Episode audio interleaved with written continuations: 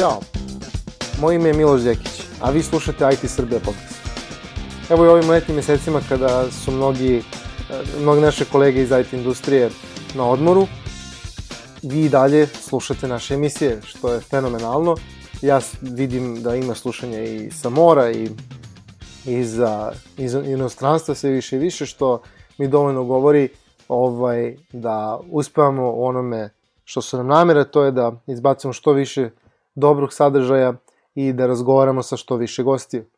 I naša današnja emisija je ima svog gosta e, i tema je krajnje zanimljiva, zove se Nova škola za nove tehnologije i danas razgovaramo sa tvorcem, idejnim i kasnije realizatorom jedne veoma zanimljive ideje. U pitanju je online škola za primjenjene računarske nauke i inovaciju. Znači, jednom rečiju za nove tehnologije.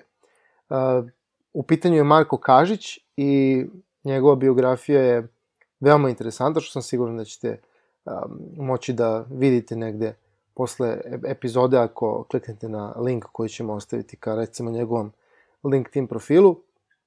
E, I naš razgovor je bio fenomenalan, prosto pričali smo o ne, nekim problemima naše trenutno školstva i kako, je, kako su Marko i njegov tim e, pristupili rešavanju tih problema i kako su pokušali, a vrlo moguće uspeli, da zaista upotrebe nove tehnologije za edukaciju novih tehnologija.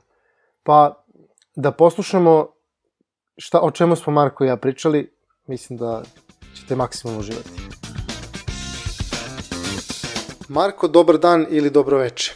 E, dobro veče. Za tebe, znači, dobro veče. Podsjetit ćeš me odakle nam se javljaš, pošto preko Skype-a ovaj, razgovaramo. Da, javljam se trenutno iz Kikinde, to je neki kao neformalni HQ. A Kikinda je ovaj, rodni grad, je li tako? Jest, jest. Ekstra, moramo da pričamo o tome ovaj, vrlo kratko. Um, mi, mi u principu uh, se, smo ovde, razgovaramo trenutno, zato što imamo jednu jako lepu temu.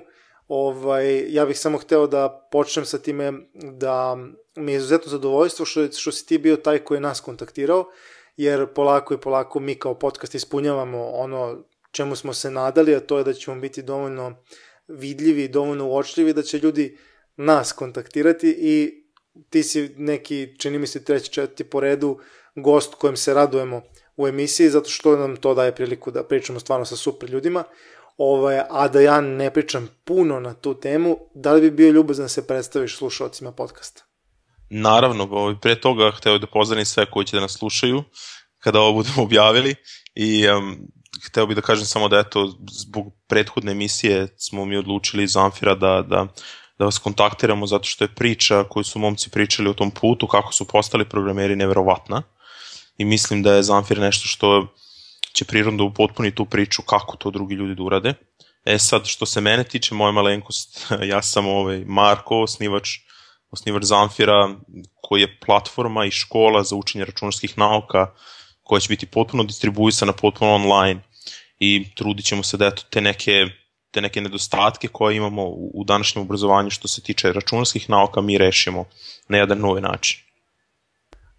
Problem pretpostavljam koji ste identifikovali je da kažem manjkavost našeg obrazovnog sistema ovaj koje, koje se suočava sa inače ogromnom potražnjom za IT kadrovima.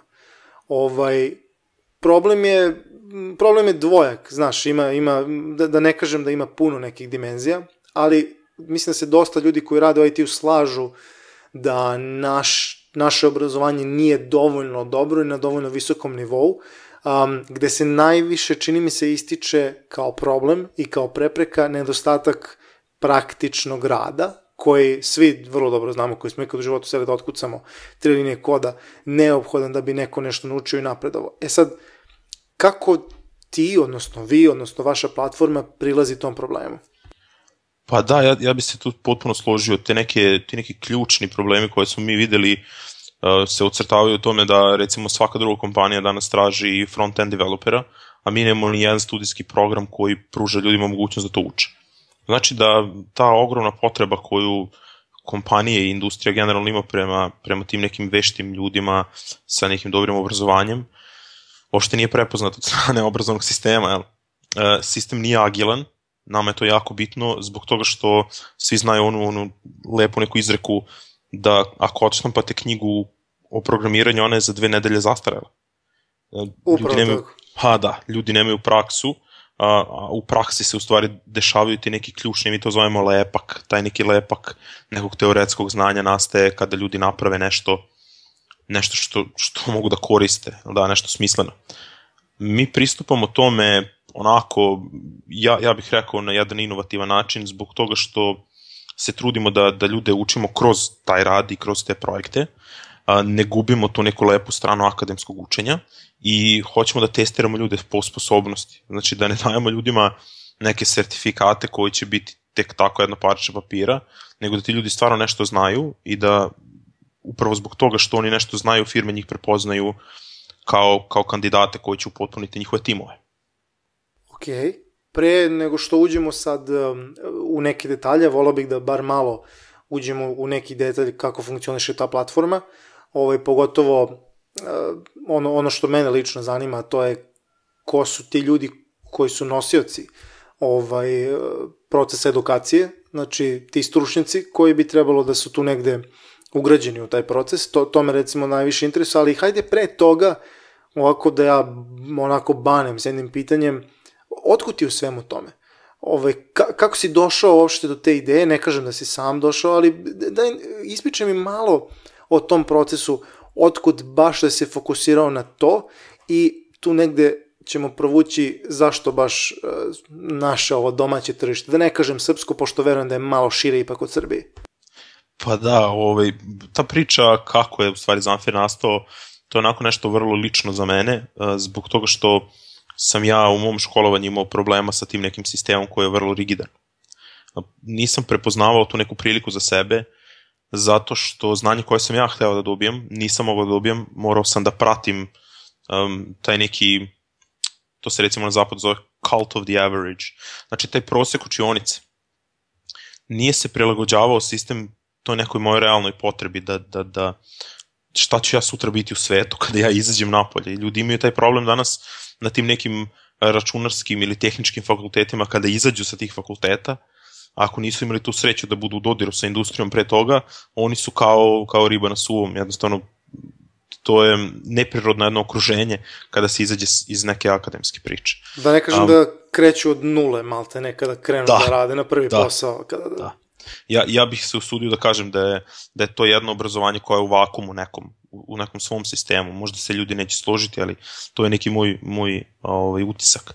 E sad, ja sam dugo godina radio kao, kao neki startup advisor, išao sam po svetu i radio sa nekim kompanijama i što mladim, što već nekim kompanijama koje imaju svoje uzbiljne proizvode i savjetovo ih i tu je bilo nekoliko kompanija koje su radile obrazovnu tehnologiju i, i svugde sam viđao da, da u tim državama da nismo mi jedini koji imaju taj problem.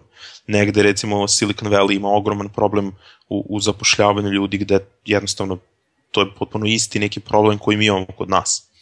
Tako da mislim da je ovo što smo mi sada napravili prava stvar u toj promeni paradigme kako će ljudi u, budućnosti učiti teh, tehnologiju i neke, neke stvari kao što su programiranje recimo ili dizajn, i kako će oni biti korisni industriji bez toga da budu ono što mi zovemo kursađi, a to je da znaju samo nešto na nekom visokom nivou, a da nemaju neku teoretsku osnovu koja je nama jako bitna u našem, u našem sistemu koji gradimo. E, pomenuo si budućnost, znači ti vidiš Zamfir kao platformu budućnosti, odnosno kao, da kažem, standard koji, koji bi mogao da, da, da maltene preotme trenutno ovaj, trenutan proces obrazovanja. Je li to ono što je vizija za Zamfir? Pa i to jeste deo vizije, ta promena paradigme u stvari. Da ono što mi sada pravimo sa Zamfirom, um, sama ta neka platforma koja podržava našu školu, postane standard da, da se proširi na druge, na druge platforme i da, da škola u stvari bude to. Um, mi sa, sa nekom online um, platformom koju imamo, pobeđujemo neke velike nedostatke koje offline obrazovanje ima danas. To je recimo geografska distribucija koja je u Srbiji možda i najmanja imamo zemlje koje su izuzetno gladne, uslovno rečeno, kadra kao što je Rusija, kao što je Kina, koje su ogromne zemlje gde je infrastruktura nekad je lošija, gde ljudi jednostavno ne mogu da dođu, čak i Sjedinjene američke države, Kanada, to su vrlo nepristupačne zemlje u nekim delovima. Um, da se ne bi svi koncentrisali u neke gradove, recimo. Tu postoji i tam um, jedan deo priče, upravo to što si ti pitao, ko će biti predavači tu, što, ko, ko to radi, ko, ko tu uči ljude. Um, mi pomoću ove online platforme možemo da omogućimo ljudima da njihovi mentori i predavači budu uh, programeri koji su stručni upravo u toj nekoj specializovanoj temi koju obrađuju i to su ljudi koji svaki dan zarađuju za život upravo od toga što predaju. Uh, nisu odvojeni od industrije, nego su u tome svaki dan i onda pošto je to online, njihove sposobnosti su daleko veće da, da učestvuju u jednoj takvoj platformi u školi, zato što nemaju nikakvu prepreku, nisu ograničeni fizičkim nekim prisustvom. Ok, ja pokušavam u glavi otprilike da uporedim to što ti govoriš sa nečim što se zove General Distant Learning, odnosno kako mi to pre, prevodimo učenje na daljinu, um, koje, koje implementira, čini mi se, nekoliko fakulteta, bar da ja znam, um, koje se trenutno koliko ja znam, svodi na otprilike neku od um, open source platformi za da, učenje. Da, Moodle. Moodle, tako je. Um, različite verzije Moodle, znaš, ne, neki su ostali u praistoriji, pošto i taj Moodle je doživeo neka izdanja, da, da. reizdanja. Iteracije. Iteracije, baš tako. I čini mi se da se uvek sve svodi na to da su to neka snimljena predavanja, da su to unapred napravljeni programi nekih pitalica i čega sve ne, koji, koji se bukvalno prave kao što se inače prave ti studijski programi. Znači ono zakuca se neki kurikulum, zakucaju se predavanja, vežbe ili šta već i to se onda pusti u etar i to traje recimo minimum 5 godina. Što, kao što ti rekao malo pre za knjige, ne, ne može baš da bude aktualno. Pogotovo sad, da, da. sad sa front-end tehnologijama, to je nenormalno. Čovječe, ja sam pre neki dan ovaj, ukucao da vidim, interesujem recimo Node.js frameworkci koji sve postoje. Hteo sam da vidim možda neki malo robustniji framework da napravim, da naštancujem neku web aplikaciju za sebe, ovako, bukvalno. I ovaj, ja sam se frapirao. Bro, da. koliko sam da, da. sajtova našao koji samo sublimiraju sve te framework, samo Node.js, pa to, pa to je nenormalno. I sad se ja razmišljam čoveče, prvo da li se negde uopšte radi Node.js na fakultetu. I ako se radi, pa da li su izabrali neki framework, recimo pokažu. I ako jesu, pa da li će to promeniti za narednih 5 godina. Ovaj, reci mi, jer, jer postoji neka razlika u, u, u konceptu Zamfira u odnosu na ono što bih ja nazvao učenje na daljinu u implementaciji recimo domaćih ovaj, fakulteta.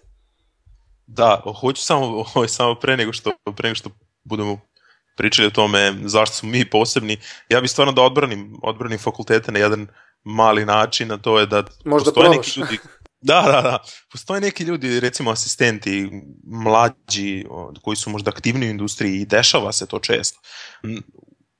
Uprko s tim nekim ne znam, to NLO viđenjima koje se dešavaju na tim fakultetima gde ljudi svašta prijave da se, da se dešava što ne bi smelo se dešava u 21. veku, zastarane neke metode i to, postoje, čuo sam, čujem i dobre priče, ali mislim da to nije sistemski dovoljno.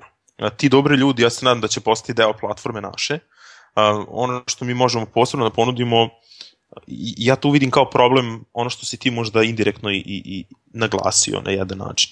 Um, kada napraviš digitalnu platformu. Ti menjaš potpuno dinamiku i koncept kako ti čoveka učiš i kako ga podučavaš. Ono što mi sada imamo, recimo Mukovi, kao što je Coursera ili edX, su bili strava stvar pre dve, tri godine kada su napravili boom, ali mi dalje nemamo promenu paradigme uh, da mi promenimo način na koji je sadržaj serviran, to jest gradivo na koje, koje prikazujemo ljudima da se prilagodi tome da je to online. Mi i dalje I to je to što mi radimo, to je potpuno ljudski. Um, mi kada generišemo PDF, mi pravimo digitalnu um, implementaciju knjige, suštinski. Mi nismo promenili paradigmu uh, toga kako mi serviramo gradivo. E sad, šta Zamfir tu radi posebno? Zamfir um, omogućava ljudima da programski uh, budu u, u realnoj radnoj okolini, mi njima to emuliramo. Uh, spajamo ih sa drugim ljudima koji oni ne znaju što je nešto što se tebi desi kada dođeš u firmu. Ti prvi put kada dođeš na svoje radno mesto, ti ne znaš nikoga. A ako si srećan, možda znaš jedno ili dvoje ljudi. Um, ono što je jedno od ključnih koncepta u Zamfiru, to je da smo mi naš glavni cilj u stvari jeste da uključimo industriju u to. Da industrija kaže, ja hoću da naučim Node.js framework neki, mi imamo tu potrebu, da, da se omogući jednoj firmi ili delu industrije da učestvuju u izradi tog plana i programa i da on bude dinamički promenjen. Isto ono što nam je jako bitno, sada imamo mogućnost da saberemo znanje više stručnih ljudi. Knjiga kada se napiše, napiše jedan ili dva čoveka, a mi sada imamo mogućnost da jednu lekciju piše i 100 ljudi ako je to potrebno i ta neka promena je u tome da mi rafinišemo znanje i ono postaje sve bolje i bolje kroz vreme. A to mi do sada nismo imali. To je poenta te promene paradigme o kojoj ja pričam, eto, insistiram na tome, ali, ali stvarno jeste tako. Prebacili smo učenje digitalnih veština u digitalni ekosistem. Ok, to mislim, malo prečeno, nije, nije lako možda svariti iz prve, da. Ovaj, da se razumemo i naravno ograničenje audio podcasta je tako da, znaš, prosto ti fali jedan čitav moment prezentacije. No, šta sam ja negde zaključio? Zaključio sam da je u pitanju e, dinamika, da je, da je inače ono što fali fakultetima, to je ta dinamika, to je neko konstantno unapređivanje. To je nešto što ja ovde vidim, znači jedno, jedno, jedno iterativno unapređivanje koje proizilazi iz činjenice da veći broj stručnjaka za određenu temu može ugrađivati svoje znanje koje, kao što znamo, se menja iz dana u dan. Kada da. si hands-on, što mi kažemo, programer, ti svakog dana si sve bolje. Znači, ne, malte ne nemoguće da stagneš, moguće, ali nije, ovaj, nije, nije, nije poželjno. Nije poželjno, naravno. Um, to ono što mi se jako dopada kao pristup i što kažu, jedva čekam da vidim to na delu uh, i siguran sam da ću imati prilike da vidim. Sad, um, puno, puno nekih pitanja mi se kristalizuju u glavi, ali ne bih volio da te zaspem njima, pa, pa ću početi od malo uh, lakših. Ovaj, ako se slušalci pitaju što im je ime Zamfir toliko poznato, a opet nemaju pojma otkud, to je zato što su verovatno gledali ili čuli za zonu Zamfirovu. Da, vrlo moguće da je od e, filma, jes. Tačno, ali, ali to nije razlog zašto ste vi nazvali platformu tako. Jel bi bio ljubazan da, da, da, da me podsjetiš otkud ime Zamfir? Naravno. Pa neka ideja je bila, kada smo pravili to, da to treba da bude, da oslikava, svako ime treba da oslikava tu neku viziju koju mi imamo. Um, ja sam onako zasut u toj našoj industriji, znaš i sam, da se dosta stvari zove engleski na ovaj ili na onaj način ili latinski.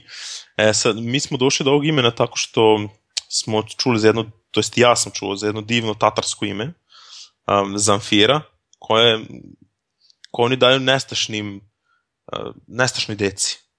Um, znači neukrotiv ili neukrotiva. I baš zato mi se jako svidelo, zato što je to nešto što mi u stvari hoćemo da uradimo sa ljudima ovde, sa njihovim znanjem.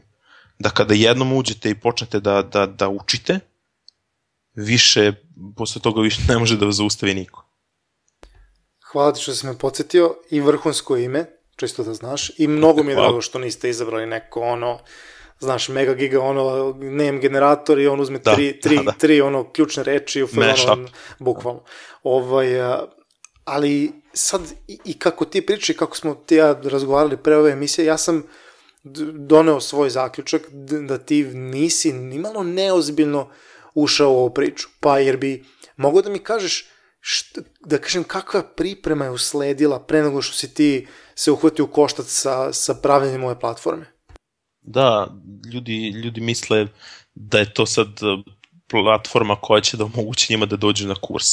A u stvari mi smo uložili dosta vremena pričajući sa ljudima koji su edukatori, koji se zanimaju metodologijom, didaktikom i tim nekim stvarima, um, zbog prirode toga da su predavači kod nas programeri, dizajneri, preduzetnici.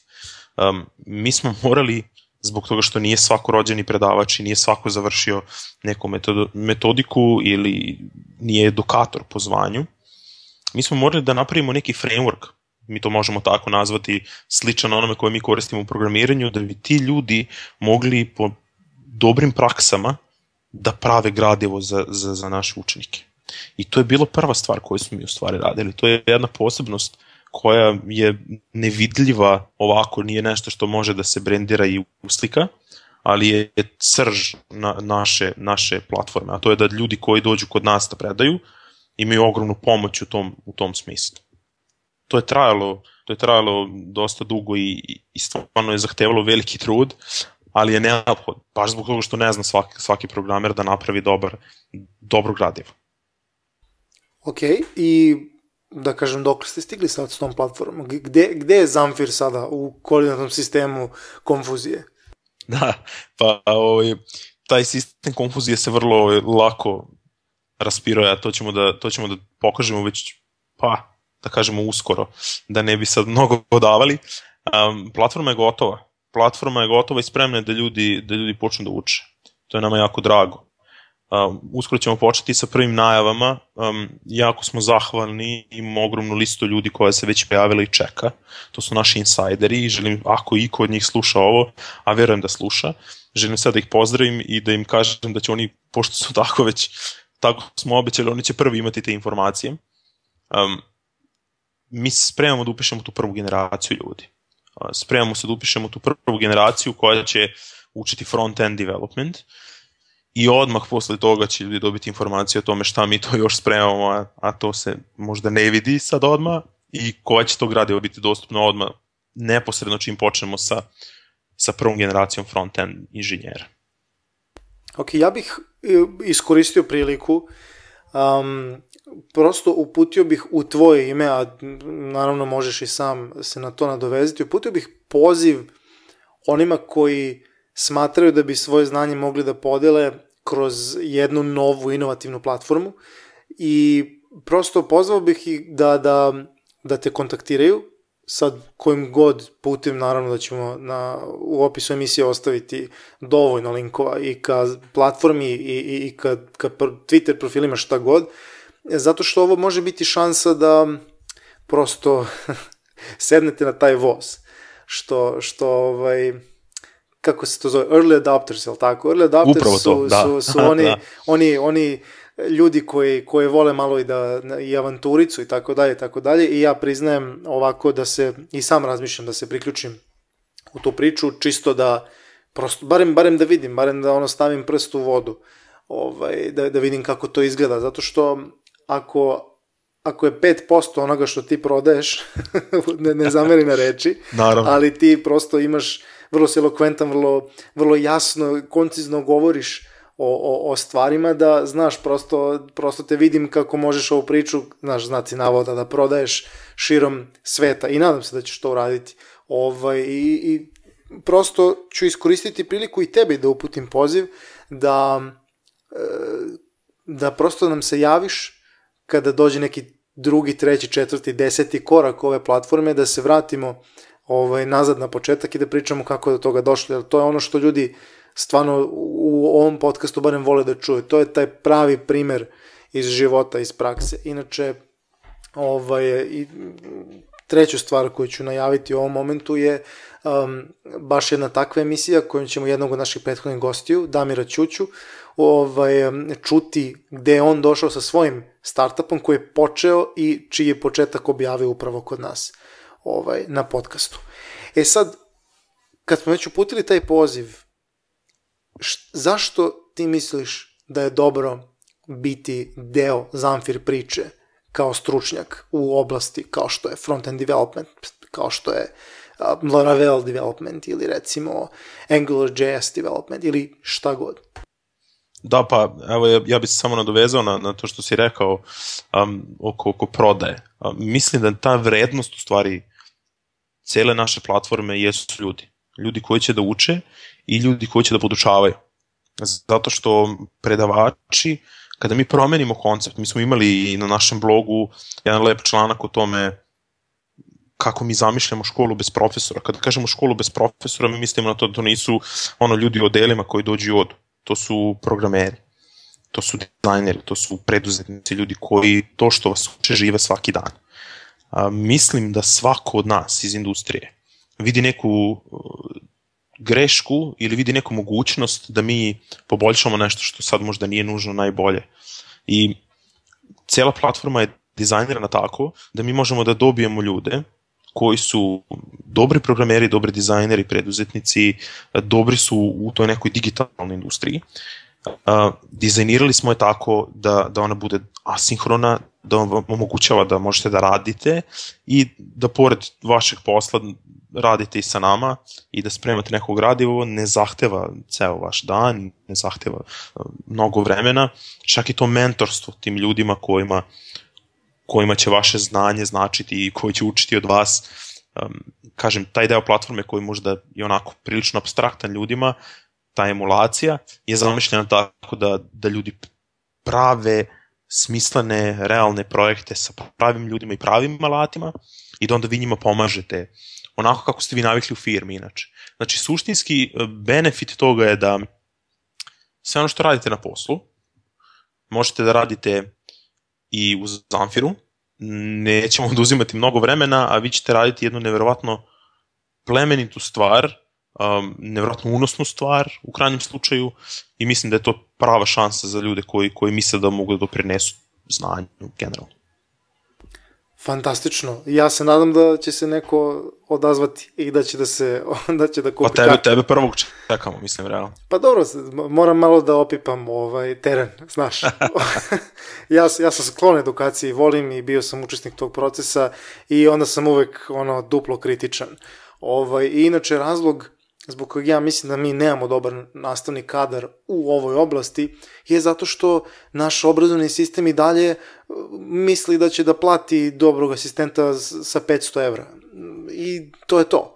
Ovaj, I onda se, znaš, uh, i oni što valjaju dovijaju se da rade neke projekte, obično to budu komercijalni projekti, tu se ide i onda, znaš, uvek trpi kvalitet uh, onoga što oni daju na na nastavi, u procesu edukacije. Da, tu je dosta, tu je dosta nekih činilaca koji ljudima možda nisu tako tako jasni u tom nekom procesu. Ja, ja mislim da kada ljudi nemaju možda nužno neku financijsku satisfakciju, moraju da imaju neku učešće u tom procesu. A ja koliko sam čuo da asistenata na fakultetu, njih malo ko pita za mišljenje, dosta se tu radi vojno onako da se izvršava sve. Ma kak, a, niko ih ne zarezuje ni 2%. Pa da, pa Budimo da, realni, mislim. Pa da, ali e, jednostavno naša platforma je diametralno suprotna. Znači ljudi su vrlo blisko gradivu koje pišu, um, delimo profit sa svim ljudima koji, koji pišu gradivo, znači ne rade niko za exposure, um, to je vrlo unosna priča i ja se nadam da ćemo mi biti um, unosni i za učenike i za profesore, zato što hoćemo da rasteretimo učenike tako što ćemo sarađivati sa firmama i ja bi ja to ovim putem uh, hteo da pozovem sve firme ko, koji imaju problema sa hiringom, što znači sve firme, koje zapošljavaju, da, da nam se slobodno jave jer imamo izuzetnu ponudu i za njih. I da, da kada, kada budemo imali takav, uh, takav deo priče realizovan, Znači, mi naravno već radimo i, i tu postoje koraci koji su već preduzeti, da kažem tako, ovaj, onda ćemo moći da rasteretimo učenike, a s druge strane da im pružimo najbolje predavače iz industrije. Mislim da je to, mislim da je to stvarno naš krajnji neki cilj što se tiče samih, samih polaznika. Pa, ako mene pitaš, ako to uspe, ovaj, um, mis, mislim da ono, prosto nema granica dalje. Upravo ovaj, upravo. I hteo bih ti kažem, ja ne znam kako vi postavljate Znaš, ono, kako izgleda uspeh? To je strava dobro pitanje. Znaš, mnogi, mnogi to izbegavaju. Prosto mnogi čak i kad imaju dobru ideju, ne vole da uđu, ne, ponekad i ne mogu da, da definišu uspeh. Znaš, da kažu, e, ovo kad se desi, to je moja metrika, o i ovo kad se desi, to znači da sam uspeh. Meni deluje, meni deluje da bi jedan edukativni proces bio pravi, da mora da se napravi pun krug da mora da neko ko je bio učenik postane mentor. I to mi dosta dobro deluje kao uspeh. Ne znam da li ste razmišljali o tome. Pa to jeste u nekoj teoretskoj e, i nekoj, da kažem, priči koja, koja je didaktika i metodologija, to jeste tako. Kažu da, da ljudi najbolje uče kada uče druge ljude. Tome.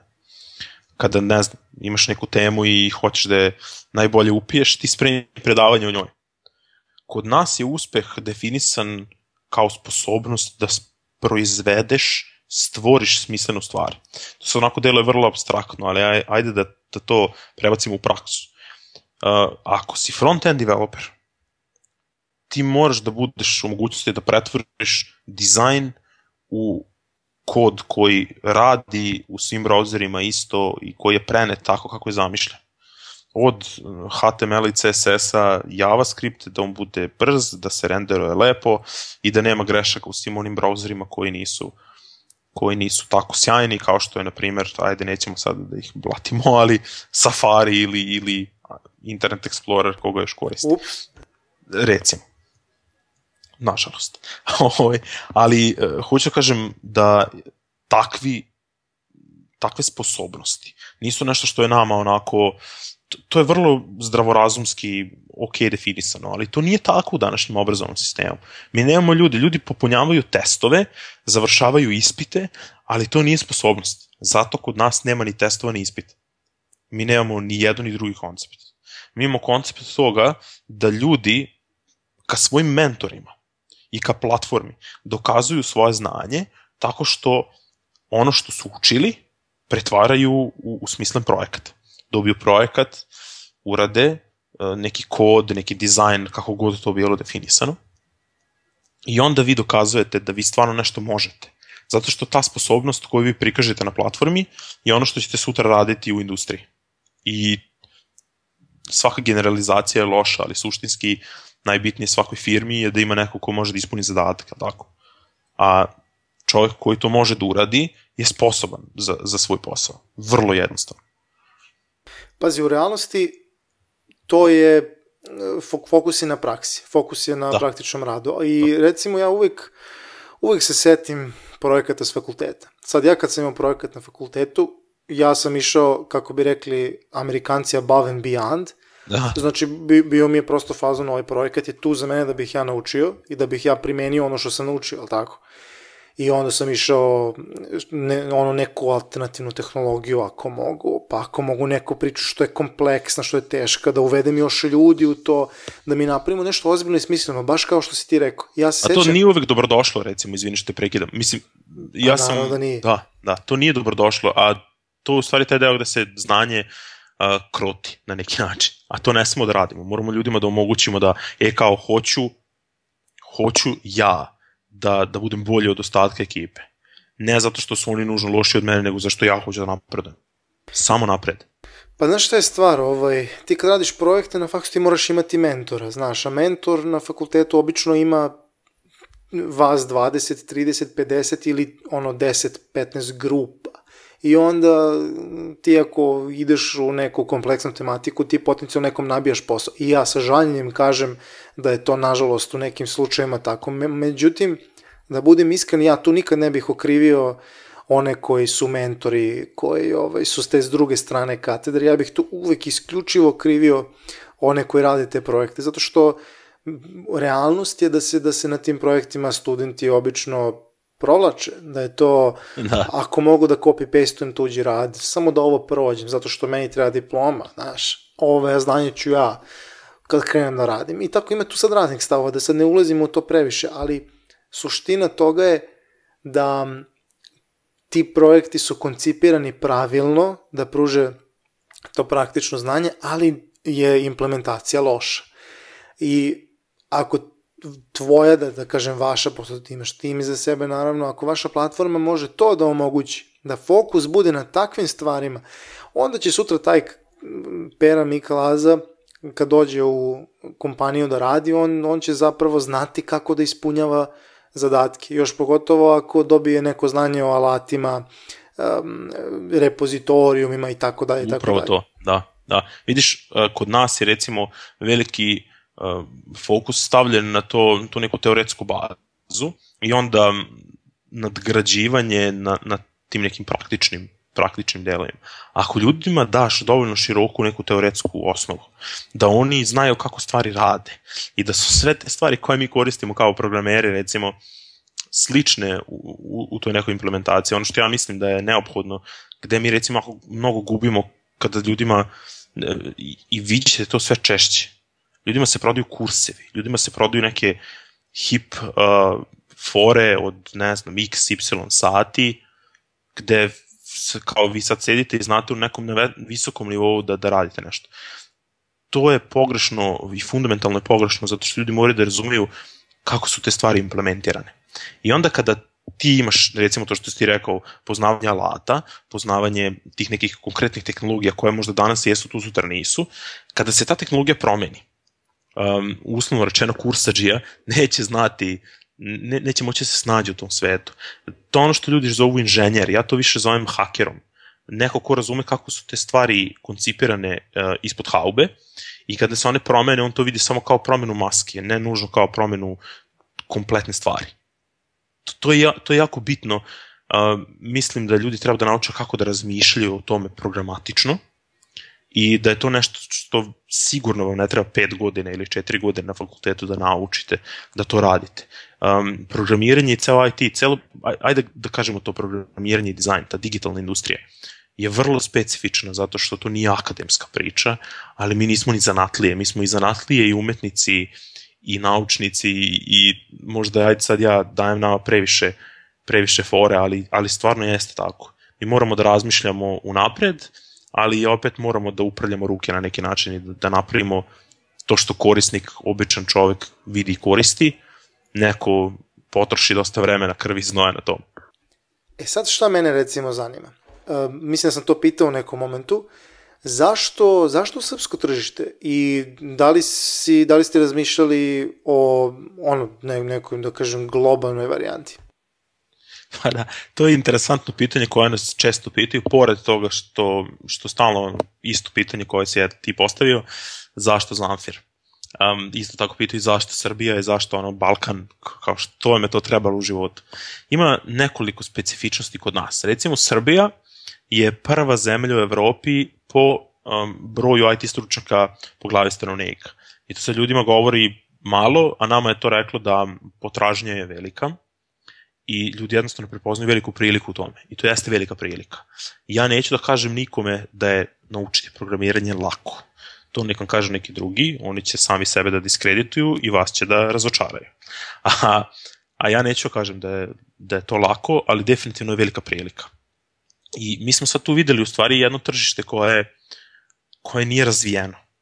Ako mi možemo da uradimo ovde takvu inovativnu stvar i da je dovedemo do toga da ona radi za, za sve u tom procesu koja je namenjena da radi, znači za učenike, za predavače, za firme, onda ćemo to moći da radimo i negde drugde. I mi svakako imamo plan da, da celu platformu i školu globalizujemo, u nekom smislu bi to možda bila i jedna od prvih globalnih škola te vrste. E, tad ćeš da zoveš mene. da, da, da. Pa bit ćeš predavač valjda sad. Pa šta znam, ovo je u posljednje vreme ja nešto sve gledam da, da se prešaltam na engleski, znaš, zato što više ništa srpsko ne volim, znaš, postao sam, postao sam jedan od tih. A to je šteta ima toko lepih stvari kod nas. Apsolutno sam bio ovaj, ironičan, malo sam aludirao na neke od naših ovaj, razgovora prethodnih. Da, ne, ne valje to ništa, znaš, domaće, mislim. Domaće, ded, tamam posle, bolje da ja... Hoću samo da ljudi, ljudi možda to povezuju sa zastavom. Zamfir i zastava nemaju veze jedno s drugim, čisto da se, da se razumemo odmah. To je okej, okay. znači ja prvi put kad sam prošao Zamfir, ja sam mislio, ono, kao ona spajalica iz, um, iz ofisa nekog starog, znaš, ono, neki asistent virtualni, ono. to, to je mene palo na pamet iz prve. Ovaj, znaš kako, hvala ti što si kontaktirao podcast, uh, moje izrazito zadovoljstvo da si, da si mi bio gost, odnosno gost našeg podcasta, pošto ja zaista to ne doživljam više toliko kao svoje, nego volim da verujem da je podcast zaista naš glas zajednice ovaj, u Srbiji i u ime naše cele ekipe, a verujem i u ime mnogih slušalaca, ja ti želim ovaj, tebi i tvom timu veliki uspeh sa ovom platformom. Ovaj, obećavam lično da ću ono, napraviti istragu jednu ovaj, ličnu kako je to platforma, šta, da li bih ja mogao da se uključim na neki način i ponovit ću još jednom ovaj, ili drugi ili treći put poziv ovaj, ljudima da urade isto to i ovaj, e, zaista se nadam da, da će ta vaša prva generacija učenika doživeti uspeh, ovaj, što će naravno značiti da ćete vi doživeti uspeh. Tako da još jednom hvala ti. hvala tebi, ne znam kako sad da se odužim na, na ove sve lepe ove želje. Ovaj, ja ću da, da ponovim još jedno, meni je stvarno veliko zadovoljstvo da pričam s tobom sad ovde. Svi oni koji su nas slušali, ja mislim da treba da, slu, da nastave da slušaju ovaj podcast. Um, predavači, programeri, dizajneri, preduzetnici, javite se. Um, kao i ti što ćeš vidjeti kako izgleda platforma, tako ćemo tako ćemo objasniti ljudima i, i nadam se da će biti najkvalitetniji ljudi u stvari deo, deo toga što mi radimo. Ja opet ne znam šta bi drugo nego se zahvalio tebi na, na prijatnom razgovoru i pozvao sve da dođu da vide zamfir.com pa da i oni prenesu utiske neke. Ništa, ja sam ubeđen da će ovaj razgovor da se nastavi i van podcasta, a isto toliko se nadam da će se nastaviti u nekoj od kasnijih emisija podcasta gde ćemo pričati o tome kako se ostvario prvi uspeh sa platformom, gde platforma ide dalje, ovaj, kao i šta je tvoj sledeći korak, pošto mi ne deluješ kao neko ko će se zaustaviti na, na jednoj ili dve stvari. Pa, kao što sam ti rekao, to je neukrotivo nešto. e pa još jednom hvala ti ovaj, čujemo se, vidimo uskoro. Hvala i tebi. Pozdrav svima. Hvala i slušalcima što su nas slušali. Ovaj, ostavit ćemo maksimalno, maksimalan broj korisnih linkova u opisu epizode. I do sledeće epizode IT Srbe podcasta. Moje ime je Miloš Đekić, moj gost je bio Marko Kažić. Svako dobro.